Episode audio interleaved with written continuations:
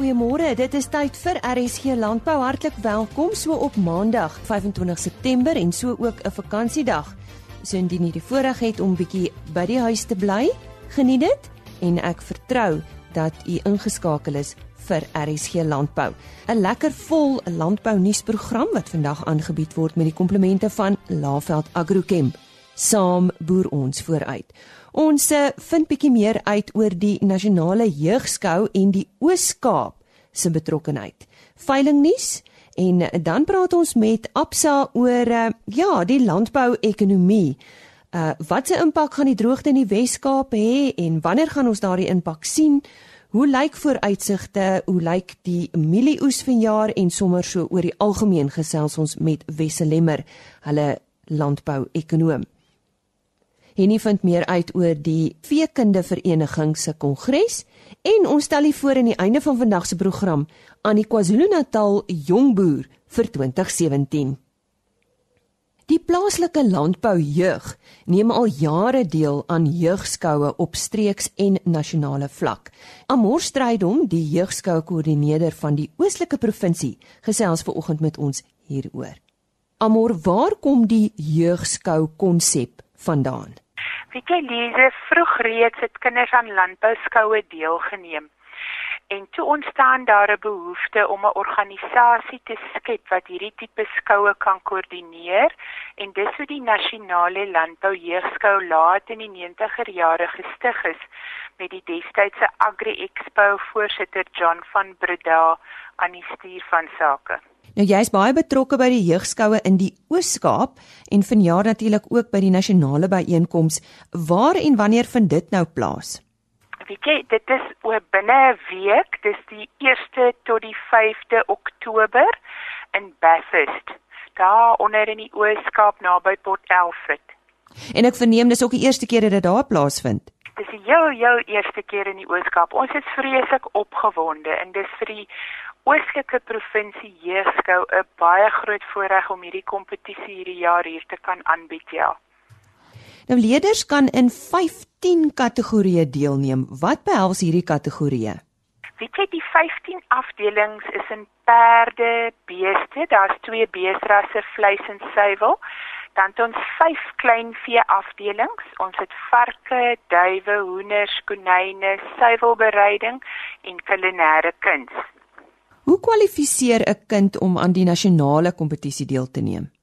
Deur die jare is daar nou verskillende skoue en dan is daar gewoonlik 'n kwalifiserende skou in baie provinsies noem hulle dit die provinsiale kampioenskap en dan die kind met die hoogste punte gaan deur na die span toe wat gekies word om aan die nasionale kompetisie deel te neem. En dan wat word vereis wat klere drag en algemene voorkoms en gedrag betref en dit het my nou nogal opgeval uh, onlangs by ons Alpha Expo.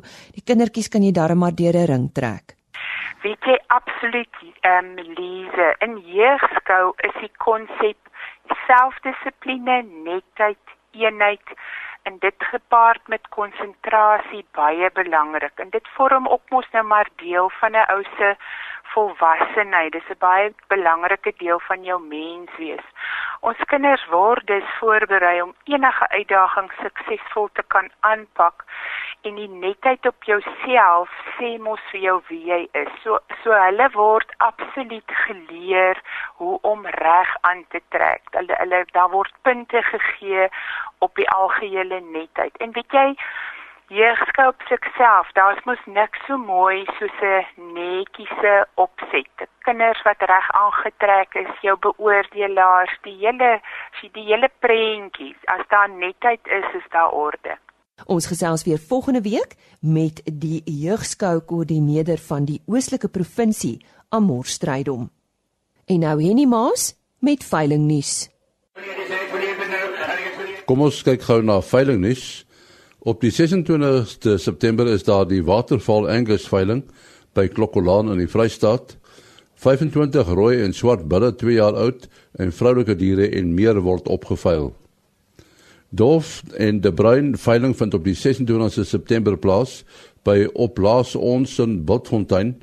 285 SA vleismerino skape word opgeveil deur BKB Louet. Die Malherbe en Roberts Angus veiling vind op die 27ste September plaas by Hertsgwil in die Vrystaat. 25 rooi en swart bulle 2 jaar oud en verse word opgeveil. Die Excel Beefmaster veiling vind op die 27ste September plaas ook op Lichtenburg in Noordwes en dan ook op die 27ste September die Afrikaner beesveiling by Vogelstruis veilingskrale Randfontein. Top Afrikaner beeste word opgeveil deur BKB Louet. Op die 28ste September is die Van Pletsen Beefmaster veiling by Jamestown in die Oos-Kaap en die Alexandria Multi-Ras veiling vind op die 28ste September ook plaas by Riverview Trading Veilingskale Alexandria. 20 Angus bulle, 8 Simbra bulle, 70 Angus koeie en verse, 30 beefmaster tipe vroulike diere word opgeveil deur Riverview Trading Livestock Marketing. Die nuwe Elkheid Bonsmara groep veiling vind op die 28ste September plaas by die Warmbad Veemark in Bella Bella. 25 SP bulle, 300 SP en kommersiële vroulike diere, asook 650 vetbonsmara slagvee word opgevuil deur Vleisentraal Bosveld. Michael Lassie en Stefan Greiling is die afslaers. Tot sover dan ons veilingnuus. Onthou veilingnuus kom gewoonlik maandagooggende aan die beurt. Wanneer gaan ons die impak van die Wes-Kaap droogte regtig sien? Wat word van mielieproduksie verwag en sal die hoop op landbou om ekonomiese groei te verseker daar bly? Nou ek gesels ver oggend met die landbouekonoom by Absa Agribesigheid Wessel Lemmer. Wessel, ja, um, ons uh, weet nou al van 'n resessie, 'n tegniese resessie, maar kom ons kyk net so 'n bietjie na die geskiedenis. Ja, Lisa, net om so vinnig 'n bietjie oorsig te gee. Ons is nou uit 'n tegniese resessie uit wat nou geheers het van die vorige kwartaal van die die laaste kwartaal in 2016 um, en die eerste kwartaal van 2017 en landbou het 'n groot bydrae gemaak omtrent so 0,7 persentasiepunte van die 2,5% uh, bruto binnelandse produk groei in die tweede kwartaal. Ehm um, en dit is daar spesifieke redes daarvoor.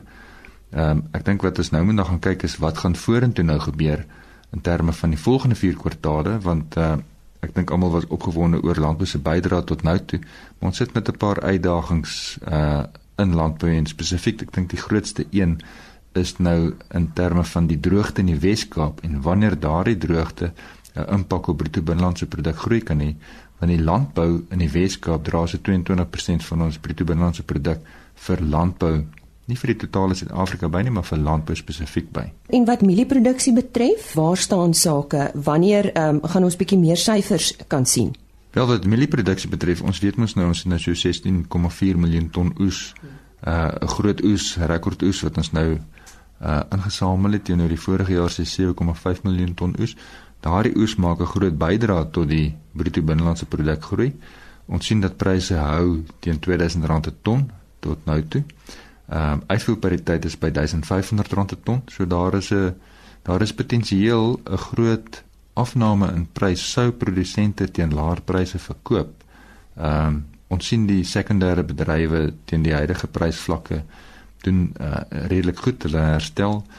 Ehm um, ek dink wat ons net moet in gedagte hou is dat ons dalk ons oes moet uitdra na die vo voor volgende maande toe en die volgende jaar toe. Ons gaan volgende jaar in die eerste en tweede kwartaal nog steeds van hierdie oes verkoop. En um, ons moet net probeer dat ons prysvlakke op daardie vlakke bly want as ons daal in terme van pryse dan kan ons nie teen daardie laer prysvlakke van 'n van 'n 1500 rand per ton Safex prys regtig produseer nie. Ehm um, en dit kan ons produksie beïnvloed. En dan bring dit ons terug na einde Oktober se voornemens om te plant. So as produsente weer aan, gaan aandui dat hulle met die vooruitsigte van die nuwe uh, nuwe vooruitsigte van die klimaat weervoorspellings wat lyk as vir baie gunstig gaan wees, weer ehm um, 2.6 miljoen hektaar gaan plant, dan gaan ons waarskynlik met 'n 'n probleem hê in terme van 'n groot voorraad wat langer uitgestel word dieper in 2018 toe want ons uitvoere loop nie soos dit moet nie. Ek wil so 'n bietjie teruggaan na die faktore wat 'n impak het op die ehm um, die groei in landbou. Is daar 'n paar ander faktore behalwe nou vir die droogte in die Wes-Kaap?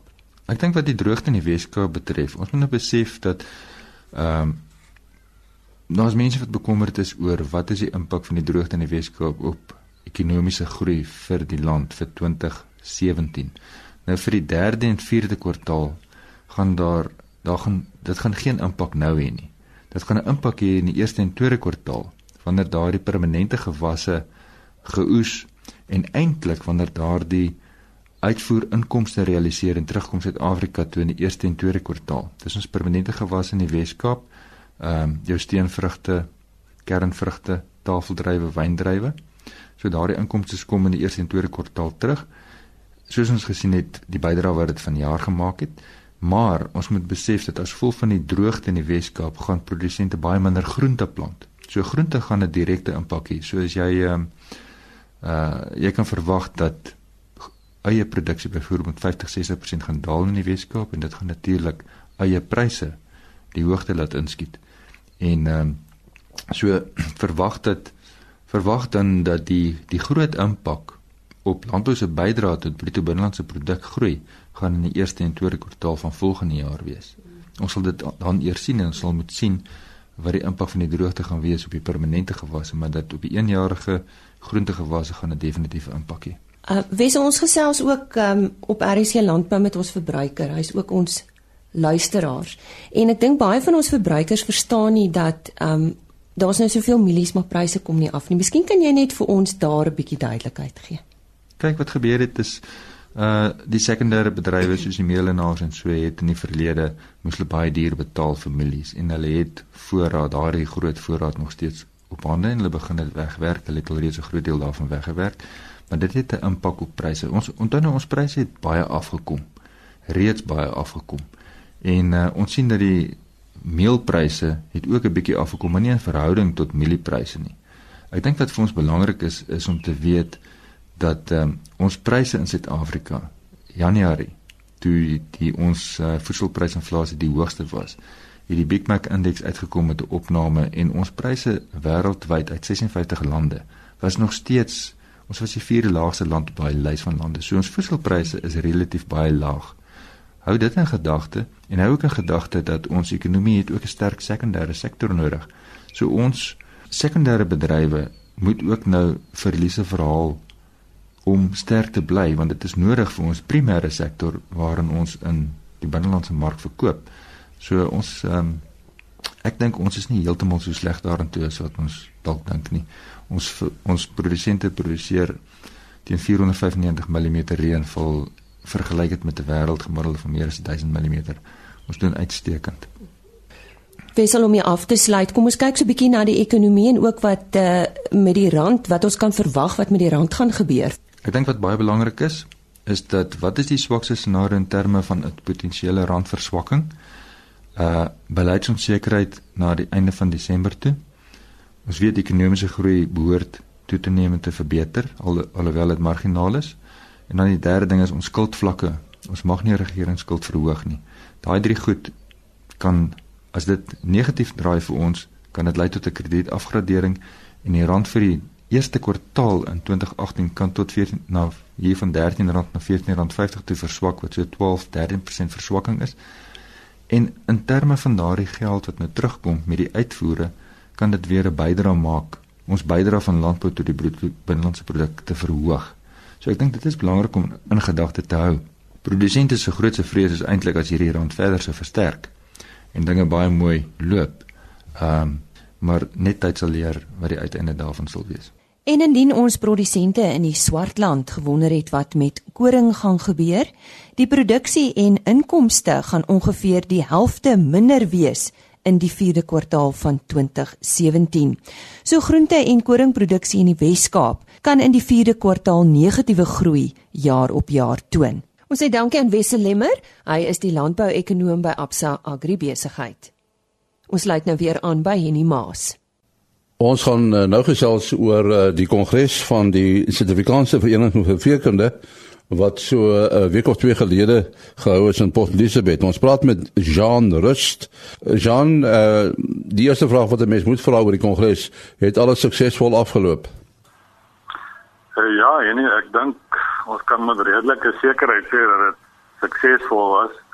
Uh ons het uh, eintlik ongekende getalle bywoning gehad van uh kongresgangers waar ons gewoonlik in die omgewing van 250 kongres weet gangers kry vir gewone kongresse oor die jare. Dit is in hierdie geval, ek dink ons staan nou op iets soos 360 klaar. En hier het was gewoonlik baie min buitelandse sprekers inkry vir ons lokale kongresse. Dit is in hierdie geval 5 buitelandse sprekers. So die ding het 'n bietjie van 'n internasionale kleur ook hierdie keer. Nou die feit dat daar soveel meer mense was, dink jy dit was as gevolg van die buitelandse sprekers of is daar maar net 'n groter belangstelling?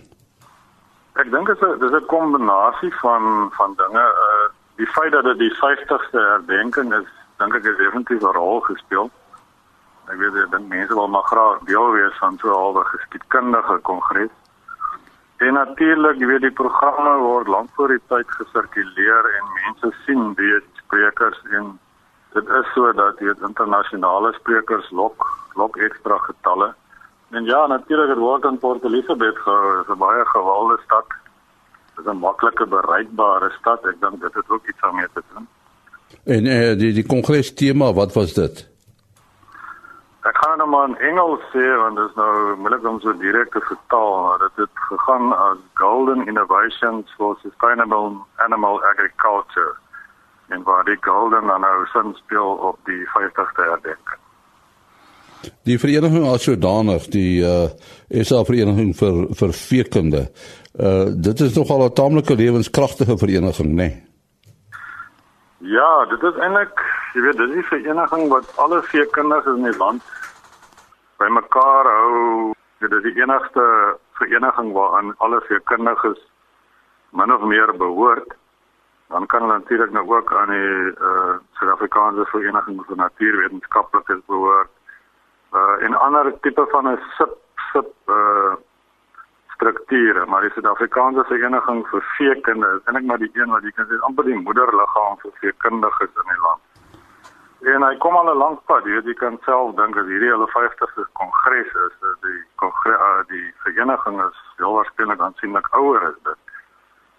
En dit word maar ook gesien op 'n manier as 'n kwaliteitskontrole vir veekundiges, jy weet waar mense bymekaar kan kom en besluit oor die kwaliteit van veekundige werk, sulke tipe van dinge. So ja, dit is eintlik maar jy kan sê die veekundige se go-to organisasie.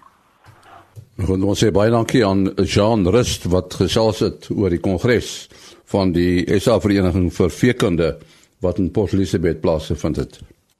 Dankie Annie. Die KwaZulu-Natal jongboer is op 7 September aangewys en Kwanalu het tydens hulle jaarlikse kongres op Pietermaritzburg die 38-jarige Ross Lou van Richmond vereer met 'n toekenning. Hy vertel ons van die plaas hoe hy by landbou betrokke geraak het en natuurlik ook waarom hy juis boer. Ah, Lisa, no, thanks, uh, thanks for having me. The farm is uh, is based in uh, in Richmond, KwaZulu-Natal, as you said a bit earlier. We bought the farm in 2013 for the sole purpose of of doing kiwi fruit, uh, and specifically the golden kiwi fruit. And we thought that uh, you know Richmond, being the climate it is, uh, sort of you know, cold winters and, and warm summers, that uh, the climate would be sort of ideal for kiwi fruit. So yeah, we bought uh, bought it in 2013 and we planted our first kiwis in in November 2013. Waarmee boer julle nog en waarom hierdie gewasse ras? Um, we also do um, uh, do general veg, but at the moment currently we've got uh, cabbage and potatoes. We're just doing that as a, as a cash flow contribution at, at this stage, um, but that uh, the, the plan is to work those veg out, and, and the farm will become entirely uh, golden kiwi fruit in the, in the in the future. And we sort of will. The plan is to expand from from next year onwards. And uh, yeah, with the, the, the variety, it's the golden the golden uh, kiwi fruit, and you get different types and varieties of golden kiwi fruit. Um, we're doing specifically the skeleton varieties, which is the Z487 and the 368, and also the Italian variety, the Sorelli, which is pretty commonly known. Het jy landbou studeer, Ras? Yeah, Lisa, no, unfortunately I didn't. Uh, I unfortunately wasn't in a situation I couldn't afford varsity when I left school and my parents weren't in the in a, in a a situation to to send me to varsity. So no, I'm uh, just got uh, high school and uh, I was all self-taught basically. So yeah, it's uh Ja, nou ek wil nou juist daaroor praat. Ons ons gaan terug na jou kiwi produksie toe. Nou is ongewoon in Suid-Afrika en ek maar ek hoor jy het nou regtig by die kundiges gaan leer. Waar het jy gaan leer? Basically uh in 2013, early 2013, uh I met three guys from New Zealand, and they were kiwi growers and in the kiwi industry, and they pack in, in New Zealand. And they came um, on a on a world tour. They were basically traveling the world, and they were looking for for a place in the world to to to supply. There's a there's a window in the supply chain that that hasn't been filled, and that's around about the February March, end of February March and and they were looking for a place in the world that would be able to supply at that at that sort of time. And uh, it, it came about that where we are is, is is the perfect timing, and there's that window that we can um, we can supply uh, where nowhere else in the world they can. You'll find kiwis uh, on the shelves on the market, but they they certainly wouldn't be fresh, uh, and that's pretty much where we fit in with that. After I'd met them, I uh, I, I took a trip over to Australia and New Zealand. I spent sort of two weeks there with these guys, getting to understand the kiwi industry, you know, the management thereof, you know, the marketing, the packing, and uh, yeah, I, I learned quite quite a lot in in that short space of time, and uh, and it just sort of made a hell of a lot of sense, especially with that window period that we've got, um, and and the marketing strategy just seemed to be pretty spot on. Nou ja, ons wens jou alle sterkte toe. Ras, ek weet deel van die kompetisie is dat jy by jou gemeenskap moet betrokke wees. Hoe is jy by jou gemeenskap betrokke? Ja, dis um yeah, I try to get involved as as much as as possible. Um obviously the first thing is is try and solely um employ local local people, local community. Uh, obviously, I think contributing to the local community at first uh, just, just benefits, and that's how everyone should should treat it. Um, I'm almost also um, training up uh, my staff. I try and give them a skill set, uh, and specifically in the kiwi industry, I try and give them a skill set so that they can, uh, at least learning a fairly good skill that they can either uh, take on their own if they want to go into their own business or something. But uh, yeah, so you know, this, for example, we teach them how to plant correctly, uh, specifically the kiwis, and also the general veg. You can teach them that. Uh, you know, the pruning and the and the thinning and grafting of the kiwis is, is quite an intricate thing. It's very intensive. So we um, we give them a skill set that they can use, you know, in any sort of uh, crop industry. I think is is very valuable um, and just general good farm practice. So those are the kind of things that we offer for, for the local guys.